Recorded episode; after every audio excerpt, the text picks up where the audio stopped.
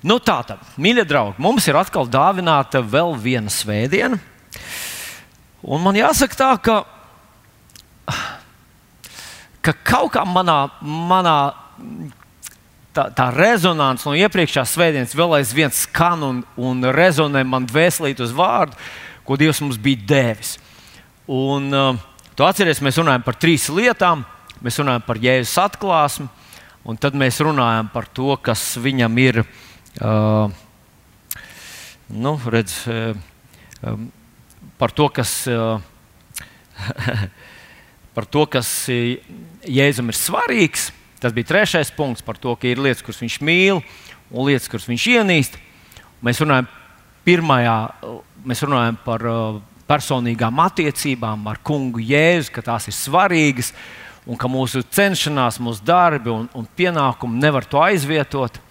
Un tad mēs runājam par to, ka mēs nekaunamies no Kristus evaņģēlīja. Mēs nekaunamies no Kristus. Un, uh, es domāju, ka kad, uh, arī jūsu dvēselē tas atsaucās, ka tā, ka tā tam jābūt, ka, ka mēs nevaram kaunēties. Ja mēs esam viņu izvēlējušies, tad mēs ar viņu gribam palikt kopā. Bet es vēlreiz gribu atgādināt to rakstu vietiņu. Uh, Jāņa atklāsmes grāmatu pirmo nodaļu, jo man šķiet, ka tie vārdi, tajos vārdos ir iekšā tāda, nu, tāda enerģija, kuru tā kā, uh, nu, tā kā ar vienu reizi vismaz man pašam tā īsti nepielēc. Un es to atgādināšu pēc mirklīša, bet gribu izstāstīt jums vienu gadījumu pirms tam, kas notika ar vienu advokātu. Uh, cilvēks, kurš bija ilgi mācījies, studējis, praksē strādājis. Un, nu, viņš beidzot bija uztaisījis karjeru, strādāja tādā ļoti smalkā advokātu birojā, pelnīja labu naudu, ģērbās smalkā uzvalkā, brauca ar labu autiņu. Un, nu, viņam kaut kādās darba darīšanās jādodas kaut kur tur uz Latviju un jābrauc, jāizbrauc cauri vairākiem ciemiņiem, tur uz kaut kādu no mazpilsētām. Nu, viņš, protams, kā vienmēr saģērbies savā darba ansukā, iekāpa savā smalkajā mašīnītē un brauc. Un kā jau karantīnas laikā mašīna mazāk uz ceļiem, un nu, viņš brauc cauri kaut kādam mazam latgabalam ciematiņam. Un redz, jau tur, tur apmēram trīs mašīnas visā ciematā ir. Luksusforma nav neviena, tur kaut kāda zīme salikta. Nu, droši vien, kad uh, vienkārši lai apgūtu līdzekļus. Un viņam jāizbrauc uz galvenā ceļa, viņš nemaz nepiebremzē, viņš vienkārši izbrauc ārā un, un brauc. Un tur stāv viens latviešu policists. Hops, apstādina viņu. Nu, piebrauc Juris malā, pienāk klāt. Vienkārši puisis, tāda īsta latviešu izloksne, saka viņam, ka, lai iedod tiesības, ka viņš tagad ir pārkāpis noteikumus, ka viņam būs jāsastāv protokols. Viss tā puika izruna, viss viņa izskats izra, iz, izraisīja smaidu advokātā. Un viņš saka, kādā sakarā es man esmu apturējuši un tā tālāk. Ziniet, tā tāda rīznieka, inteliģenta pārākuma apziņa. Nu, kā Latvijas saka savā izloksnē, kad tur bija zīme, galvenais ceļš, mums bija jāapstājas pirms jūs izbraucat uz galvenā ceļa. Advokāts saka viņam, vai jūs ievērojat, es samazināju ātrumu pirms izbraucu. Tas ir tas pats, kas apstājos. Uz ko uz mirkli samuls uh, vienkāršais policists un saka, nē, jums bija jāapstājas pilnīgi. Un tad jums jādod man dokumenti, lai es varu uzrakstīt protokolu, jums būs jāsa, jāmaksā sots. Nu, Vārds, ko viss tā diskusija ir diezgan gara. Advokāts tādā nesatricināmā mierā saka, ziniet, es samazināju ātrumu. Un juridiski tas ir tas pats, kas juridiskā terminoloģija, tas pats, kas apstājos. Ja jūs man varat pierādīt, ka samazināt ātrumu nav tas pats, kas apstāties, tad es jums iedošu dokumentus, jūs man uzrakstīsiet protokolu. Policists saka, labi, tikai izkāpiet lūdzu no mašīnas. Advokāts izkāpa no mašīnas. Nu, Vienkāršais policija izvelk savu steku un sāk slānīt viņu pa muguru. Un jautā, vai jūs gribat, lai es samazinu ātrumu vai lai apstājos? Ziniet, tam juristam bija savs, savi priekšstati par lietām, bet viņi izrādījās neatbilstoši likumam. Un es gribu teikt, ka mums katram ir kaut kāda sava priekšstata, kaut kādas savas tās koncepcijas, kuras esam izveidojuši. Varbūt mums gudri skolotāji mums tās ir ielikušas mūsu galvās, mūsu prātos, mūsu dvēselēs. Bet nevienmēr tas atbilst patiesībai. Un tāpēc Bībele, kad mēs lasām Bībeli, tā ir patiesība. Un dažreiz es to secinu pats no sevis, ka dažreiz vajag laiku, lai to patiesību adaptētu savā dvēselē, lai to saprastu ka tas galīgi nesaskan ar to, kā tu esi domājis. Un tāpēc vēlreiz par Jēzu. Atklāsmes grāmata, pirmā nodaļa, 8. pāns. Es esmu Alfa un Omega. Saka, Kungs, Dievs, kas ir, kas bija, kas nāk, visu valdītājs. Tas ir Kungs Jēzus Kristus. Un, ievarot, viņš saka, es esmu Alfa, tad grieķu alfabēta pirmais burts. Un viņš nesaka, es būšu omega. Viņš saka, es esmu omega. Tas ir pirmais un pēdējais grieķu alfabēta burts. Ar to viņš īstenībā mums grib pateikt, ka viss, kas tev ir, ir no manis. Viss, kas tu esi, tas ir no manis. Pēc būtības tu esi. Es, es to esmu tev ielicis, es tev esmu to iedevis. Un tāpēc, kad mēs tā druskuļi drebam, vai es varu uzticēt tev savu dārgo kaut ko, savu mazo talantiņu, karjeru, savu dzīvību, mēs palaidām garām, ka būtībā, nu, kā apstuļu darbos, neatceros, kurš apelsīns saka, ka viņš ir tas, kurš dod dzīvību, elpu un visu. Dzīvību, elpu un visu. Viss, kas mums ir, ir Jēzus mums iedots. Un zinat, ko uzticēties viņam? Ir pati gudrākā lieta, ko mēs varam izdarīt. Tā ir pati elementārākā lieta, uzticēties. Un otrs pāns ir tepat tālāk, tas ir 18. pāns, kuru gribu vēlreiz jums atgādināt, jo viņš rezonē manā dvēselē, un es par to domāju, un domāju, un domāju. Un gribētu, lai arī jūs padomājat mazliet šodien. Tad viņš tur sāk atklāsmes grāmatu, pirmā nodaļa, 17. un 18. pāns. Un es iesākšu ar to, kā Jānis nokrīt viņa priekšā, kā miris. Viņš uzliek viņam savu labo roku un saka, viņam nebīsties. Un tad es esmu uz ekrāna, esmu mazliet modificējis ne tā, kā uzrakstīts uh, mūsu revidētajā tekstā pēc King Jamesa. Jo mums kaut kā, es nezinu, kas tam tulkam kaitēja, kāpēc viņam vajadzēja sapludināt tā, lai tas skan vairāk pēc dzīslas, bet, bet uh, es uzticos vairāk King James tulkojumam. Un tur tā ir uzrakstīts gandrīz tāpat, tikai drusciņš mazs niansīts. Es esmu pirmais un pēdējais. Tas, kurš ir dzīves, vai tas, kurš dzīvo, tas ir atsevišķi. Es biju miris un redzējis, esmu dzīves mūžu, mūžam. Man ir nāves un elles atslēgas. Mums jāatcerās, ka Jānis ir vecs, sirds vīrs. Viņš nāca no turīgas dzimtas. Viņa dzimta bija tā, atcerieties, viņš izkārtoja, lai arī Pēters var ienākt Pilāta pilī. Tajā Romas, Romas pārvaldnieka tajos īpašumos Jānim bija iespēja to izkārtot, jo viņš nāca no prominentas dzimtas. Tātad bagāta dzimta. Viņš bija visjaunākais no visiem mācekļiem. Viņš deva visu savu dzīvi, viņš deva mesijam un glābējam. Jēzu. Viņš ir tas, kurš raksta, ka viņš ir tas māceklis, kuru Jēzus mīlēja. Es domāju, ka kaut kur savā sirdī un tādā privātā sarunā katrs no mācekļiem būtu pateicis tieši tos pašus vārdus. Es esmu tas māceklis.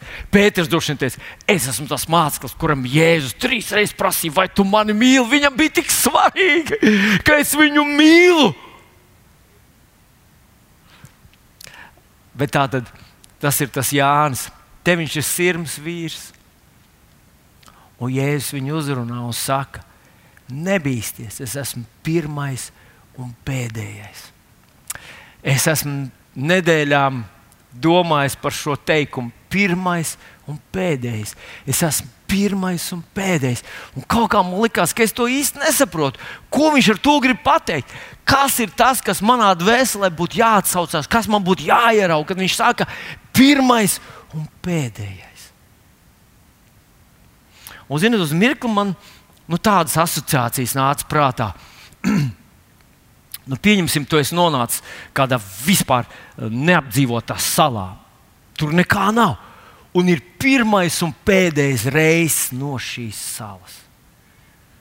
Tev būtu grūti to gaidīt. Ja teikt, ka šī gada laikā būs pirmais un pēdējais un vienīgais reizes no šīs salas iespēja no tās tikt prom. Vai tu staigāt apkārt pa salu, mēģināt viņu um, uztaisīt karti viņai? Nē, tu sēdētu tur, tajā vietiņā. Es esmu pārliecināts, es sēdētu un gads man liktos, man neliktos vispār tas garš laiks. Tā ir vienīgā iespēja. Vienīgā iespēja tikt ārā no cietuma. Tā ir vienīgā iespēja saņemt dziedināšanu no neārstējamas, nelabojamas, neaptveramas, smagas, briesmīgas kaitas, no briesmīga likteņa. Pirmais un pēdējais. Bet zinat ko? Viņš ir Dieva pirmais un pēdējais mīlestības piedāvājums. Pirmais un pēdējais, pirmā un pēdējā tava taisnošanas iespēja. Viņš ir pirmais un pēdējais glābējs. Nav cita. Šodien mums ir parasts, nu, iztaisīsim aptauju, ja, uzrīkosim konkursu. Un tad mēs izturamies varbūt nevisai tā nopietni pret kādu. Bet šis ir pirmais un pēdējais. Viņam nav aizvietotāja, nav alternatīvas, nav iespēja sagaidīt vēl kaut ko. Jēzus ir pirmais un vienīgais. Tāpēc tu izturies pret viņu ar milzīgu nopietnību. Tu neflirtē, tu nejoko, tu nespēlējies, vai ne? Mēs taču saprotam, ka Dievam tas maksāja ārkārtīgi dārgi. Izglābt tevi un mani, viņam vajadzēja dot savu dēlu. Dēls izciet kaut ko tādu, par ko mēs iesai rakstām. Kurš vispār spēja saprast, par ko ir runa? Kurš saprata, kas te notika vispār? Viņš saka, neviens Pat tie, kas viņam bija blakus, nesaprata, cik dziļas ir tās ciešanas, cik šaušalīgs upuris tas bija. Viņam to vajadzēja izdarīt. Un kad mēs atnākam tā, ziniet, ar tādu, tādiem gariem pirkstiem, gariem zobiem, tā par starp citu kaut ko tur no kaut ko saki, man es varu būt, ņemšu vērā, es jau vispār domāju kaut ko citu. Mēs esam vienkārši dumji. Viņš ir pirmais, Un pēdējais, kad Jēzus teica, es esmu durvis pie tēva. Neviens netiek pie tēva kā viens caur mani. Kad šīs durvis aizvērsies, citu durvju nekad vairs nebūs. Šīs ir pēdējās. Mīļais draugs, varbūt tu šodien man klausies, un tu domā, nu ko jūs tur kristieši, jūs tik daudz konfesijas un visu kaut ko tur, visu kaut kas. Daudz kas mums kristiešiem nu, man ir tikai 60 gadi. Es neesmu vainīgs pie visām tām, vēl nav 60 gadi, bet uh, es neesmu vainīgs pie visām tām pasaules kolīzijām, ko cilvēki sastrādājuši pirms manis. Bet es gribu te pateikt, Jēzus pie tā nav vainīgs. Es pie tā neesmu vainīgs. Bet Jēzus ir pirmais un pēdējā tavu glābšanās iespēja, un citas nekad nav bijis un nekad vairs nebūs. Un tad viņš tālāk runā, tas, kurš dzīves, tas, kurš dzīvo. Un tad viņš saka, es biju miris. Viņš patiešām bija nomiris tevis un manis vietā. Un redz, es esmu dzīves mūžu mūžam. Un man ir nāves. Nu, tas mūžs mūžam. Jānis viņam bija uzticējies. Jānis teica tieši tāpat, kā mēs ar tevi sakām, nu, es esmu Kristu Jēzu, un man nav pazudināšanas. Un, un šeit Jēzus viņam saka, Jānis tu esi ielicis savu dzīvi, tu esi sirmais Jānis, tu esi devis savu dzīvi vienīgajā, pareizajā vietā. Tagad tu dzīvos ar mani mūžu, mūžos. Tu esi mūžu, mūžos glābts. Tu esi drošībā, mūžu, mūžos. Un Jānis tam vajadzēja pacelt viņa galvu, iedrošināt viņu, teikt, Huh! Huh, Slavu Jēzum! Es esmu atsaucies vienīgam glābējam, un nu mans liktenis uz mūžu mūžiem ir atrisināts. Un tad viņš piebilst, man ir nāves un ēlas atslēgas. Un tas nozīmē, tad, kad tu aizies, tas nozīmē, atslēgas runā par autoritāti un varu. Tas nozīmē, ka tad, kad mēs ar tevi pēdējo reizi aizvērsim savas acis, tajā pusē nav hauss, tur nav anarchijas, tur nav kāds kaut kur rie, uh, vilks skries, uh, darīs kaut ko. Tur autoritāte ir Jēzum Kristum un nevienam citam. Tur nav lielāks svars. Un, ja viņš ir tavs kungs, ja tu ar viņu sadarbojies, ja tu esi viņam nodevies, tev nav, nav bailu, ne nāves, mēlis, nekā priekšā. Jo viņa elkons ir gan spēcīgs, lai tevi izvestu cauri, lai arī kas notiktu un kur tu būtu. Un priekš tam 136. psalms uzrakstīts Jēzus vārdā. Halleluja! Un tāpēc, mīļais draugs, mums ir iespēja ar tevi paskatīties uz mūsu glābēju, kungu Jēzu Kristu. Un nevis paskatīties to uz kā tādu komiks grāmatiņu, nevis kā uz kaut kādu attiecību seriālu, kur kaut kas tiek izspēlēts, it kā uh, reāls un tomēr mākslīgs. Bet tas ir uzrakstīts priekš mums, lai mēs mācītos no Jēzus, mēs iet viņa pēdām un darīt tā, kā viņš ir darījis. Jo atcerieties, Jēzus Kristus ir perfektā teoloģija. Un tas ir tas, ko es gribētu, lai tu pasaki tam, kurš tev sēž tur blakus, vai varbūt ierakst savos komentāros, ka Jēzus Kristus ir perfekta teoloģija. Citiem vārdiem, ja tu lasi Bībeli un nesaproti, kā tas darbojas, paskaties, kā to darīja Jēzus Kristus. Un tu droši vari to atkārtot. Tas ir pierādīts, uh, uzrakstīts un arī pierādīts praksē, kā tas darbojas. Un tāpēc mēs atvērsim Mateja evaņģēlīju trešo nodaļu, Mateja evaņģēlīju trešo nodaļu, un es uzrāšināšos apgalvot, ka Jēzus uh, bija ļoti līdzīgā situācijā, kādā esam mēs ar tevi šodien. Un tas ir tāds nu, karantīnas laiks, tas ir ierobežojuma laiks, ka kaut ko nedrīkst un kaut ko nevar. Un, un tas vienam otram maksā ļoti dārgi, vai, vai sit pa kabatu, vai, vai ietekmē kādu dzīvi dramatiski. Kāds varbūt to netik ļoti izjūt. Un tomēr paskatīsimies, kā tas darbojas uh, ar Jēzu. Nu, tad vispirms Mateja evanģelīja 3. nodaļa, 16. un 17. pāns ir uzrakstīts, kad Jēzus atnāk pie Jāņa uz Jardānu. Un, ja tu palasīsi kādu pantu iepriekš, tad tur rakstīts, pie viņa izgāja visa Jeruzaleme un visa Jūdeja, lai tiktu no viņa kristīt. Un tur bija uh, farizēji nāca un pat priesteri nāca pie Jāņa kristīties. Un, un Jānis tur atceries, viņus uzrunā tur tā. Jūs soģu dzimums, kas jums mācīs bēgt no nākamās dusmības? Un tad viņš saka, tad nesiet pienācīgus atgriešanās augļus. Citiem vārdiem, tur bija milzīgs pulks ar cilvēkiem. Un tagad šajā lielajā pulkā ar cilvēkiem atnāk arī Jēzus. Un atcerieties, Jēzus un Jānis Kristītājs, viņi ir radinieki. Viņi ir kā brālēni, un Jānis Kristītājs ir seši mēneši vecāks par Jēzu.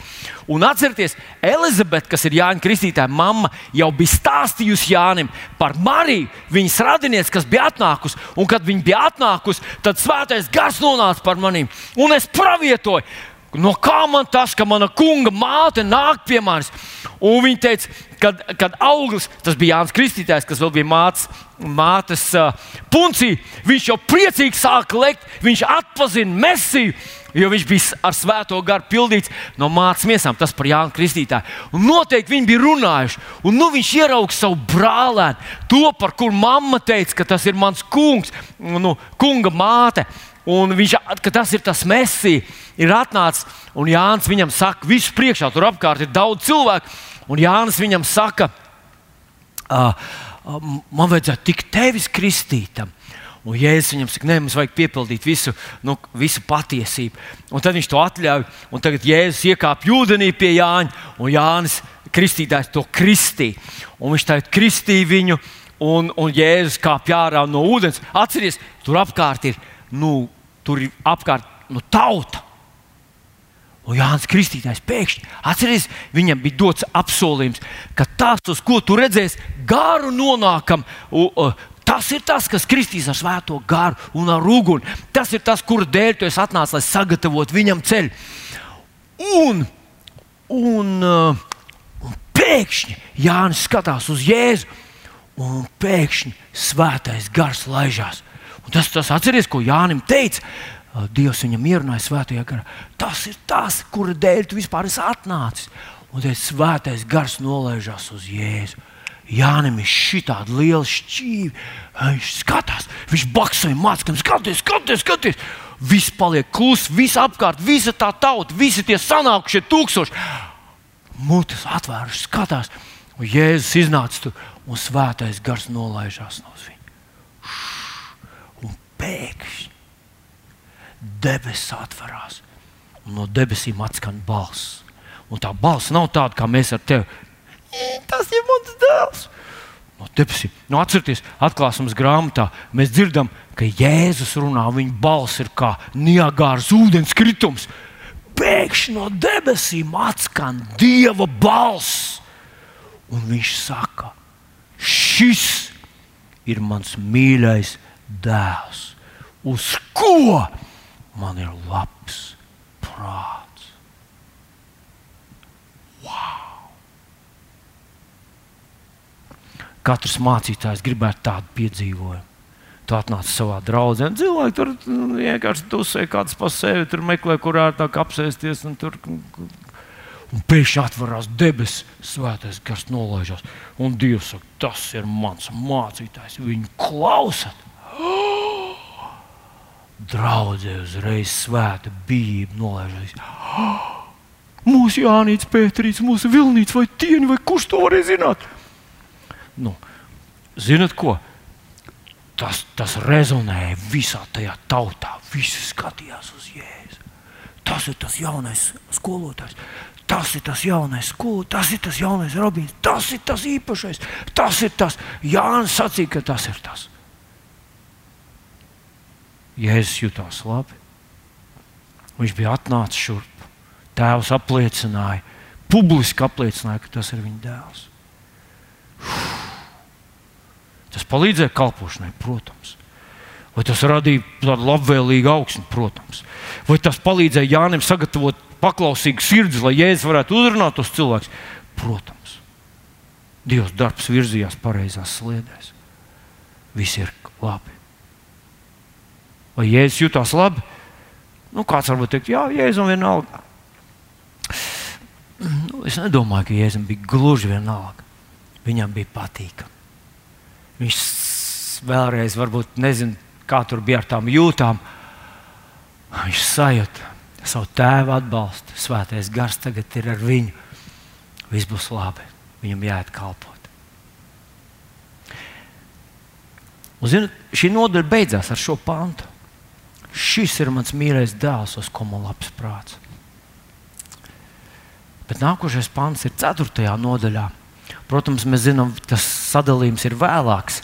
Sākumā, kad evanģēlīja tika rakstīta, viņus nedalīja pantos un nodaļās. Un šeit tas pantu nodaļās dalītājs, viņš domāja, tas sākās pilnīgi jauna doma, un viņš sadalīja viņu. Bet es domāju, ka tas bija nākošais solis. Kas ir nākošais solis? Ceturtajā, ceturtajā nodaļā viss sākās ar tādiem vārdiem, rekords lasu. Mateja evanģelijas 4. nodaļa. Tad gars Jēzu aizved tuksnesī, ka tas taptu vēlna kārdināts. Un kad viņš 40 dienas un 40 naktis bija gavējis, tad tam gribējās. Pagaidiet, mēs lasām par kādu, par kuru Dievs tikko teica, ka tas ir Dieva dēls, par kuru nonāca svētais gars redzamā veidā. Nevis tā, kā mēs ar tevi ticībā saņēmām, un mums tās valodiņas pirmo reizi bija tādas, nu, tāds paši vēl šaub, šaubījāmies, šaubās, vēl nesapratām, kas īsti notiek. Svētais gars nonāca redzamā veidā. Dievs pateica pērgu un dimdošā balsī. Visa tauta, tūkstoši redzēja, visi ir liecinieki tam, kas ir Dieva dēls. Šis Dieva dēls iegājis tuksnesī 40 dienas un 40 naktis gavējis. Un tad Es neizlasīšu, es mirklīt uz mirkli iedomāšos, kā mēs ar tevi domājam, gavēnis. Tu gavēji 40 dienas, 40 naktis, pēc 40 dienām, 40 naktīm. Tad viņa vaigs sāk spīdēt. Viņam gribējās dziedāt slavas dziesmas, viņš dziedāja tādas slavas dziesmas, un likās, ka koki un putni visi piespēlē viņa orķestrī. Dievu godību nolās, ka viņš 40 dienas un 40 naktis bija gavējis tuksnesī. Mīļie draugi, es domāju, ka katrs no mums esam kaut ko mazliet gavējuši. Un kādreiz, kad mēs esam labos apstākļos, ik pa 15 minūtēm uzsildām tēju, iedzeram kaut ko karstu ar medu, cukuru, upeņu ievārījumu un vēl izšķīdinam mm, to buļbuļsāļu pulverīti. Tad mēs varam noturēties trīs dienas un jūtamies kā varoņi. Ak, Dievs, ko no mums prasa, tas vispār necilvēcīgi gavēt. Tas ir, tev liekas, ka tu jau esi ievainots jau.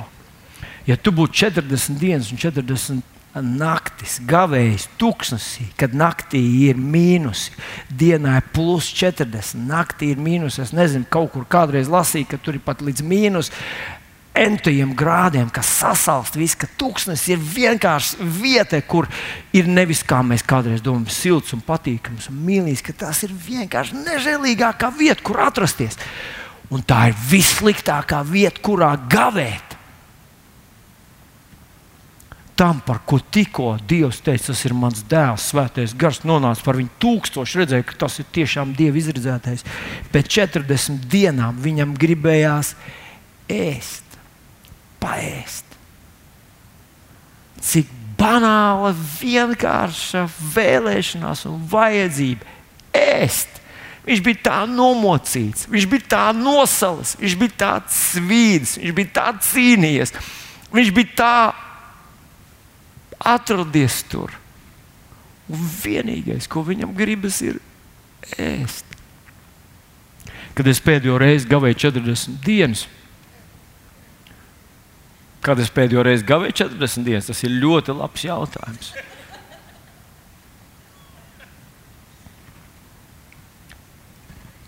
Man ir tāds sajūta, ka es neizdzīvotu līdz 20. dienai. Ja es būtu tūkstnesī visdrīzāk.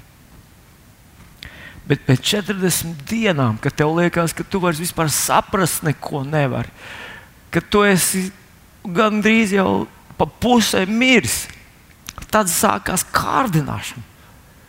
Jūs zināt, ka kārdināšanās nekad neatnāk tad, kad mēs esam gatavi un sakām, no nu, vai, aleluja, jēzus, mans kungs, es ar viņu cietumā un nāvē. Kārdināšanas atnāk tad, kad tu vismazāk esi tam gatavs. Un tad pie viņa paskaties, tu esi nomocījies, un vienīgais, kurš tev vistuvāk ir, Lucifers.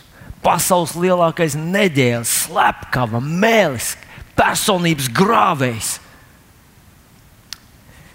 Kā tur bija? Kurš tur teica, kas es esmu? Un viņš viņu uzrunā. Ja tu esi Dieva dēls, hei, tu esi Dieva dēls? Ja tu esi Dieva dēls, tad vismaz paēst, vismaz paēst. Tu vari sev sadabūt. Ja tu esi Dieva dēls, viņš neteica, tad, tad lai tūkstoši saņem dziedināšanu. Ja tu esi Dieva dēls, tad lai, lai nenotiek kāri, lai tiek novērsts drausmīgs asins izliešanas. Bet viņš saka, ja tu esi Dieva dēls, tad vismaz maizīt tu vari dabūt. Tas bija, tas bija tāds sitiens zem jostas vietas. Tas bija tik negodīgi, tas bija tik neģēlīgi, tik zemiski. Un es domāju, Jēzum bija milzīga vēlēšanās sajust atkal tās pašas emocijas, kuras viņš jūta tur, Jardānas krastā, kad Dievs publiski pateica, šeit būtu derējis kaut kas. Bet, ziniet, viņš atbild, viņš atbild ar vārdiem. Viņš saka, ka stāv rakstīts, cilvēks nedzīvo no maizes vien, bet no katra vārda, kas iziet no Dieva mutes cilvēks nedzīvo no maizes vien. Viņš runā no, viņš dzīvo no Dieva vārda. Hei, draugi, vai mums ar jums ir tāda koncepcija? Vai mums nav tā, ka vispirms mēs ieraujam tabletīti pret galvas sāpēm un tādu kā pēdējo kaut kur meklējam, kaut ko, kas tur Bībelītē bija rakstīts? Cilvēks dzīvo no Dieva vārdiem. Hei, varbūt tāpēc tik maz tev ir dzīvības, varbūt tādēļ mums pietrūkst spēka, miera un, un izturības. ka mēs to, kas mums reāli dod dzīvību, esam aizvietojuši ar kafijas krūzi, ar tabletīti, ar kaut kādu veselīgu lociņu, eņģiņu vai vēl kaut ko. Hei, beidzam, beidzam! Rast savus cilvēcīgos, juridiskos argumentus, kas nestrādā dzīvē, un sākam pievērsties patiesībai. Cilvēks dzīvo no Dieva vārda. Bet paklausieties nākamo, ko mēs šeit lasām. Es nelasīšu visu kārdināšanu, tikai divas. Piektais pāns. Tad vēlams viņu noved sev līdzi uz svēto pilsētu un uzceļ viņu pašā dieva nama jumta galā. Un vispirms es esmu dzirdējis tādu koncepciju, nu, ka tas bija garā. Jēzus garā atradās tur tā kā, nu, tā kā sapnī, tā kā iztēlē. Viņš tur bija tajā dieva nama jumta galā. Nu, zini, ko? Vai tu esi kādreiz sapnī lecis no jumta? Ļoti sasities. Neko, parasti tu noplanēji, vai ne? nu, ja Jēzus šeit būtu vienkārši garā tur uz tā jumta, viņš būtu vienā, kad vēlams teica, laidies no šejienes zemē, Jēzus būtu vienkārši nolaidies un teica, skaidrs, ka Dieva apsolījumi darbojas. Bet viņš nevarēja to darīt, jo viņš bija fiziski tur uz tā jumta. Un vēlams atkal iesāk ar to pašu, kas tu īsti esi un ko viņš tev solīja. Ja tu esi Dieva dēls, es nerunāju par atmodu, es nerunāju par cilvēku glābšanu, es nerunāju par tautu likteņiem, es runāju par tevi pašu. Vai tad viņš tev nesolīja, ka viņš saviem eņģeļiem par tevi pavēlēs, un tie tevi nesīs uz rokām, kad tu savu kāju pie akmens? Un es ieliku iestarpināju vārdiņu no King James, kur bija vēlams bija pārveidojis 91. psalmu, ja nemaldos, bija 12. pāns. Un King Jamesā ir lietots vārds, ka tu nekad savu kāju pie akmens nepiedauzīsi. Tad jebkurā situācijā Dievs darīs visu, lai nekas nenotiek. Vienkārši liet zemē. Vai viņš to nesolīja? Un skaties, kā viņš uzbrūk. Viņš uzbrūk vispirms identitātei vai tu tiešām esi tas, par ko tu sevi uzskati. Un vai tas, ko viņš tev solīja, tas, ko Dievs tev solīja, tie apsolījumi, kurus viņš tev deva, vai viņi tiešām darbojas? Bet ievērot, ka Luciferam, tam kritušajam ķērubam, tam dumpiniekam, kurš sacēlās pret mīlestību un lēmprātības dievu, viņam bija vara uzcelt jēzu tur uz tā dieva nama jumta koris. Un Jēzus viņam atbild, stāv rakstīts, Dievs savu kungu, tev nebūs kārdināta. Ak, kungs, ak, kungs! Es iztēlojos sevi tajās visās situācijās. Un tad es padomāju, ka Jēzus bija tieši tādā pašā karantīnā, kādā mēs ar tevi. Tikai viņam nebija Facebook, viņam nebija online dievkalpojumu, viņam nebija iespējas paēst, viņam nebija iespējas sev stiprināt, viņam nebija iespējas kādam piezvanīt. Viņš bija pilnīgi viens, viņš bija nogriezts pilnīgi no visas pasaules. Viņam tikai viens kontakts bija saglabājies. Un tas bija kontakts, kāds ir tev un man ar debesu tēvu. Un viņš palika uzticīgs savam debesu tēvam. Viņš nesadumpojās, nejūta sev līdzi. Viņš nelika, lai Dievs pierāda vēlreiz, ka viņš ir uzticams un viņa vārdi ir uzticami. Viņš viņam uzticējās tā, kā mums ar tevi vajadzētu uzticēties Jēzum Kristum līdz nāvei. Atklāsmes grāmatā tā ir uzrakstīts, es, uzti, es uzticīgs līdz nāvei. Tad es tev došu to, tad es tev došu dzīvības vainagu. Jēzus uzticējās savam tēvam, savam kungam. Mēs ar tevi esam līdzīgā situācijā. Un gan jau, ka tev arī ir bijuši tādi momenti, kad tu sajūties, ka tu esi Dieva bērns un ka Dievs runā savus vārdus. Varbūt tas ir ar kādu mācītāja starpniecība, varbūt tu pats vienkārši sadziedi, varbūt tu lasi Bībeli, varbūt tu lūkšanā sajūti, ka Dievs saka, tu esi mans dēls, man uz tevi ir labs prāts, es tevi izvadīšu cauri, es palīdzēšu tev šaurajā vietā, tu nesadauzīsi savu kāju, nekas tev nekaitēs, tie, kas ir pret tevi ir mazāk, jo to, kas ir ar tevi, ir vairāk, un viņš ir lielāks. Tas, kas tev ir lielāks nekā tas, kas pret tevi. Tu dzirdēji šos apsolījumus, un tu elpoji dziļi savu gaisu, bija pacēlis savu galvu gaisā, un tu slavēji savu Dievu, jo tu zināji, ka viņš ir uzticams.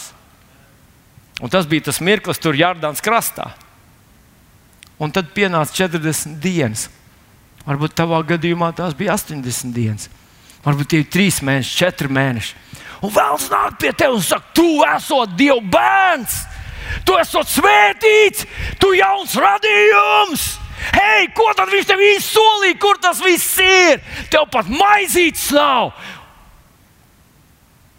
Un viņš tev solīja, ka nesadauzīsies tev kāja kā tas viss darbojas tavā dzīvē. Un es domāju, ka manā dzīvē ir bijuši tādi brīži, kad tev nav atbildžu. Kad tev nav atbildžu.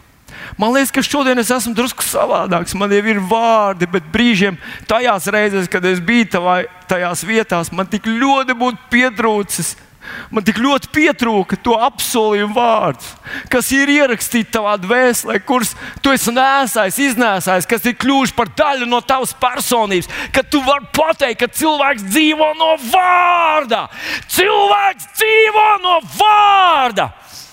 Un es nekārdināšu Dievu. Es zinu, ka viņam ir atbilde. Viņš atbildēs īstajā laikā. Viņš nekad nenokavē. Viņš ir Dievs, kurš ir uzticams. Lai nu ko var teikt par Dievu, bet viņš ir Dievs, kuram var uzticēties. Lai vai kas! Oh. Oh, mīļie draugi, piedodiet, ka es kliedzu jūsu mājās. Jūs kaimiņi droši vien nesakiet, ka tas bija mācītājs, kas tur uh, klaigāja.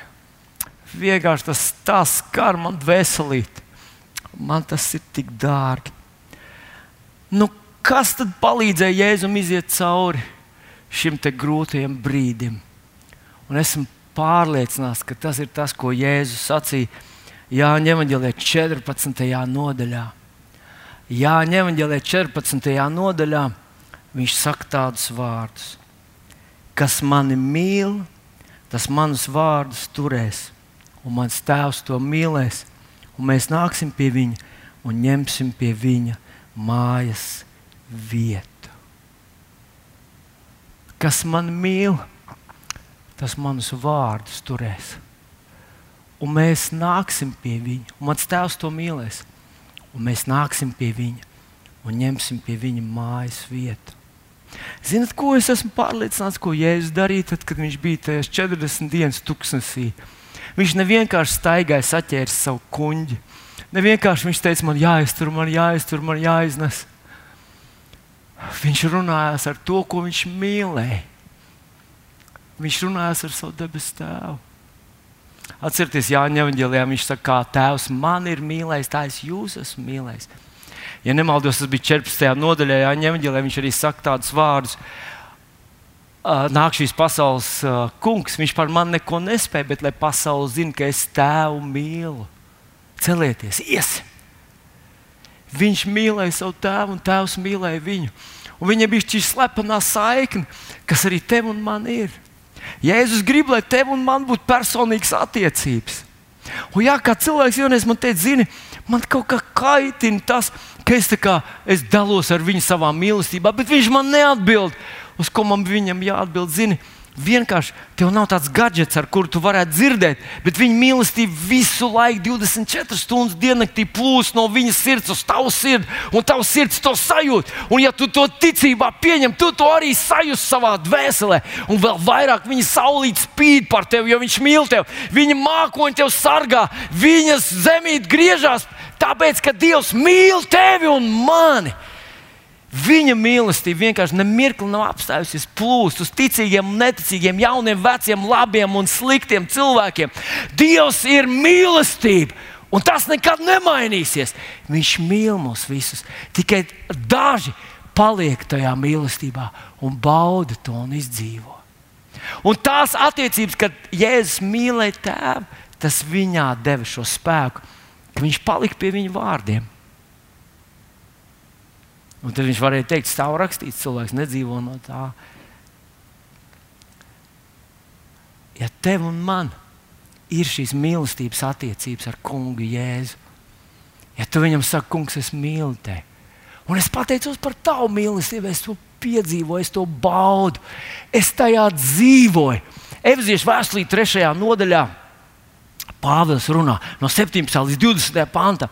Viņš saka, lai jūs atzītu Kristus mīlestību, kas daudz pārāk par katru atziņu ar to piepildīt, iegūt visu Dievu pilnību. Mīlestība ir tā, kas mūs vada uz pilnību. Atziņas vārdi, viņi, viņi ir labi, bet viņi, viņi uzplaiksnī, un tad viņi tā kā mazliet paplēna. Bet mīlestība ir tā, kas visu to atzīst, kas visu mūsu dara un ved uz priekšu. Un mīlestība ir tā, kas mums dod šo saikni, kur tu vari izturēt gan karantīnas laiku, gan grūtību laiku, gan vientulību, gan atšķirības, gan uzbrukuma laiku, kārdināšanas laiku, kad pats Lucifers tev uzbrūk, kad tu mīli kungu. Jēs. Katram mums tas ir drusku savādāk, bet tādam tieši tā arī jābūt. Tā jābūt tavam mīlestības tikšanās ar kungu Jēzu. Un Jēzum tāda bija. Bet tā galvenā vai tā brīnišķīgā vēsts, ko es gribu, lai tu pamani, ka viņš saka, Tēvs to mīlēs. Tas nozīmē, ka Tēvs dos savu mīlestību viņam, un mēs nāksim, ņemsim pie viņa mājas vietu. Zini, kur Dievs mājo šodien? Katrā sirdī, katra kristieša sirdī, kuram ir mīlestības attiecības ar savu Dievu, kas saka, Jēzus, mīl tevi. Un es tā tur tavs vārds. Man tavu vārdu ir tik svarīgi, tik dārgi. Jēzu, tu esi mans glābējs, mans kungs. Viņš ir mājo pie viņa. Tāpēc Jēzus nebija viens tūkstnesī. Dievs mājo tur pie viņa. Un zini, ko tur taisa savā grūtībās, tu arī neesi viens. Jēzus teica, es un Tēvs mēs nāksim pie viņa un ņemsim mājas vietu. Zini, ko es runāšu par sevi? Es nevienmēr to jūtu. Nevienmēr to jūtu. Bet ir brīži, kad, kad tās jūtas vienkārši. Es, es saku, ak, Dievs, es to vairs nespēju. Es nespēju to sagramot, es nespēju izteikt, es nespēju to vienkārši nomenedžēt. Vairs. Tas vienkārši nes kā plūdos, te nes, un tu baudi, un tu esi tajā peldies, un tu gavilē, un tu dejo, un tu skaties, lai neviens tev neredz, jo tev liekas, ka kāds tev vēros tajā mirklī, domās, ka tev fāze ir sajaukta. Bet tas, bija, tas ir brīnišķīgi. Es un Tēvs, mēs mīlam Tevi un mēs būsim pie Tevis. Ja Dievs ir pie Tevis, ja Dievs un Jēzus ir pie Tevis, ja Tu esi kristīts ar Svēto garu, tad šim laikam nevajadzētu būt tādam pazušanas laikam. Šim nevajadzētu būt laikam tā tādai prelūdijai pirms nāves. Nē, tas ir rekvijams. Tam nevajadzētu būt rekvijamam. Tam vajadzētu būt kaut kam tā tādai sagatavošanās uh, vietai, uzvarai. Un atcerieties, ka Jēzus iegāja tuksnesī, Mateja 4. mēs lasījām, tur bija 40 dienas, un Matejs to neraksta. Bet Lūkas 4. nodaļā rakstīts par Jēzu, kurš no tukšnes atgriežas. Ja uz tuksnes viņa aizved uh, gara vadīts, viņš aizgāja tūkstnes. Tad no tūkstneša viņš iznāca gara spēkā. Esmu pārliecināts, ka tu un es no šīs īpašās situācijas mēs varam iziet gara spēkā. Jo Jēzus ir pie tevis. Mūsu premjerministrs kādā reizē teica, ka mēs visi esam vienā laivā. es nezinu, vai premjerministrs kaut ko var līdzēt, ja viņš ir tavā laivā. Bet, ja Jēzus ir tavā laivā, ja Jēzus ir tavā laivā, un ja Dievs Tēvs ir tavā laivā, tad vienalga, kas tur apakšā - ūdens, vai akmeņi, vai klintis, vai uguns Tava laiva pārpeldēs visam pāri. Un mēs to esam redzējuši. Daniels Laubedrē, Sadraks Mezeks un Abednego tajā ugunsceplī. Mēs esam redzējuši to badā un visādās vietās mēs esam redzējuši. Uh, Enoku, kas vizinās ar ugunīgiem, ne, tas bija Elīja, kas vizinās ar ugunīgiem lati, ratiem, un, un uh, Mozus, kurš no kalna apskata visu zemi, kad vēl nebija televizora. Un tā tālāk, Dievs ar viņu viss ir iespējams. Un ļauj, lai es nobeidzu šo savu uzrunu no Romiešu vēstures 8. nodaļas. Tā ir mana mīļākā nodaļa. Un uh, es uh, ļoti bieži tajā esmu. Te ir vairāk tie panti, kurus esmu paņēmis. Bet es gribu tevi izlasīt, jo viņi tik stipri runā. Un es ļoti ceru, ka tas uzrunās arī tevi. No romiešiem 8, 28. Atcerieties, mēs esam cilvēki, kas mīlam Jēzu. Un mums ar viņu personīgas mīlestības, pilnas attiecības ar Jēzu. Halleluja! Un re, ko viņš saka? Un mēs zinām, tas visiem ir zināms, ka tiem, kas mīl Dievu, Viņš visas lietas vērš par labu. Tāpēc, ka tie pēc viņa mūžīgā nodoma ir aicināti. Jo kurus viņš sākumā nozīmēs, viņš jau sākumā bija nozīmējis tevi un mani. Tos viņš arī nolēma darīt līdzīgus sava dēla tēlam. Tātad, kāpēc mēs varam mācīties no Jēzus? Jo mēs esam darīti līdzīgi viņam, lai viņš būtu pirmdzimušais daudz brāļu starpā bet kurus viņš nolēma atpestīt, tos viņš arī aicinājis, un kurus aicinājis, tos arī taisnojis, bet kurus taisnojis, tos arī pagodinājis. Ko nu sacīsim par visu to? Ja Dievs par mums, ja Dievs ir par mums, kas būs pret mums? Viņš jau savu pašu dēlu nav audzējis, bet to bet to par mums visiem nodevis nāvē. Kā tad viņš līdz ar to mums nedāvinās visas lietas? Kas vēl apsūdzēs Dievu izredzētos, vai Dievs, kas mūs taisno, kas mūs pazudinās, vai Kristus Jēzus, kas ir nomiris vēl vairāk, kas ir augšām cēlies un ir pie Dieva labās rokas, kas arī mūs aizstāv. Paklausies tālāk. Kas mūs šķirs no Kristus mīlestības?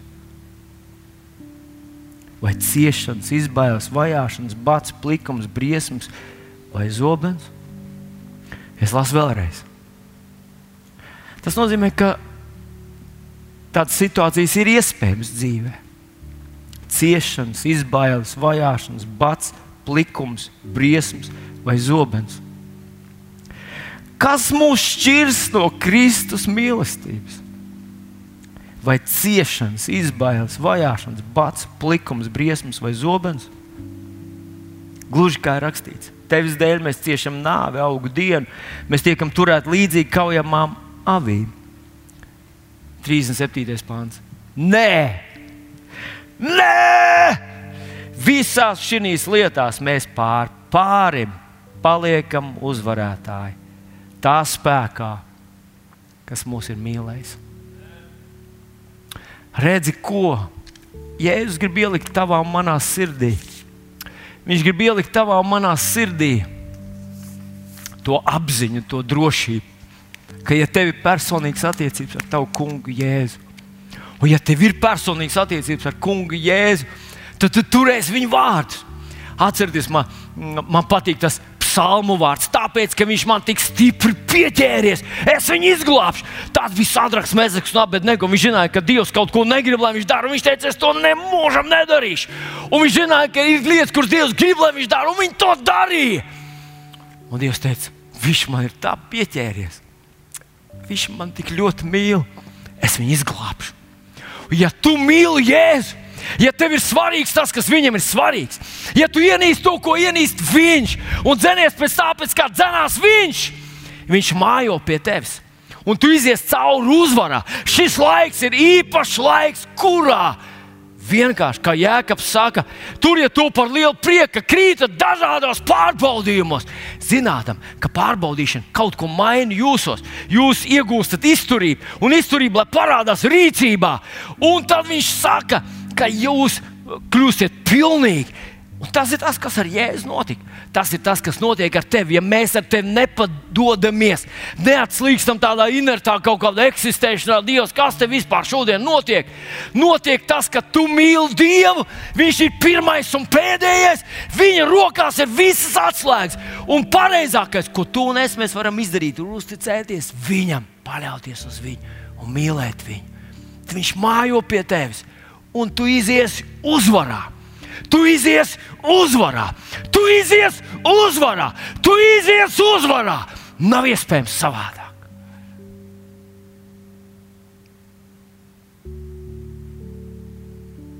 Tas bija tas, ko es gribēju tev šodien nodot. Ko Dievs ielika manā sirdī.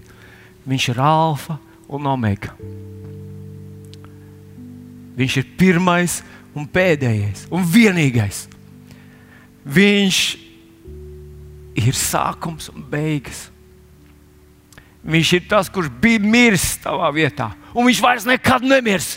Un tu nekad nemirsi. Ja tu esi pieņēmis Jēzu par savu kungu, ja viņš ir tavs dzīves centrs, viņš ir tava lielākā kaislība un mīlestība, viņš uz, tu, uz viņu paļaujies, tu izies cauri vienalga, kas notiktu pasaulē. Un tu skaties apkārt un nezini īsti, kas notiek tur, bet ar tevi tu zini, ka ar tevi ir patiesas, īstas attiecības ar Dievu. Dievs darbojas tavā dzīvē. Tāpēc tu izies cauri visam uzvarā. Jēzus vārdā.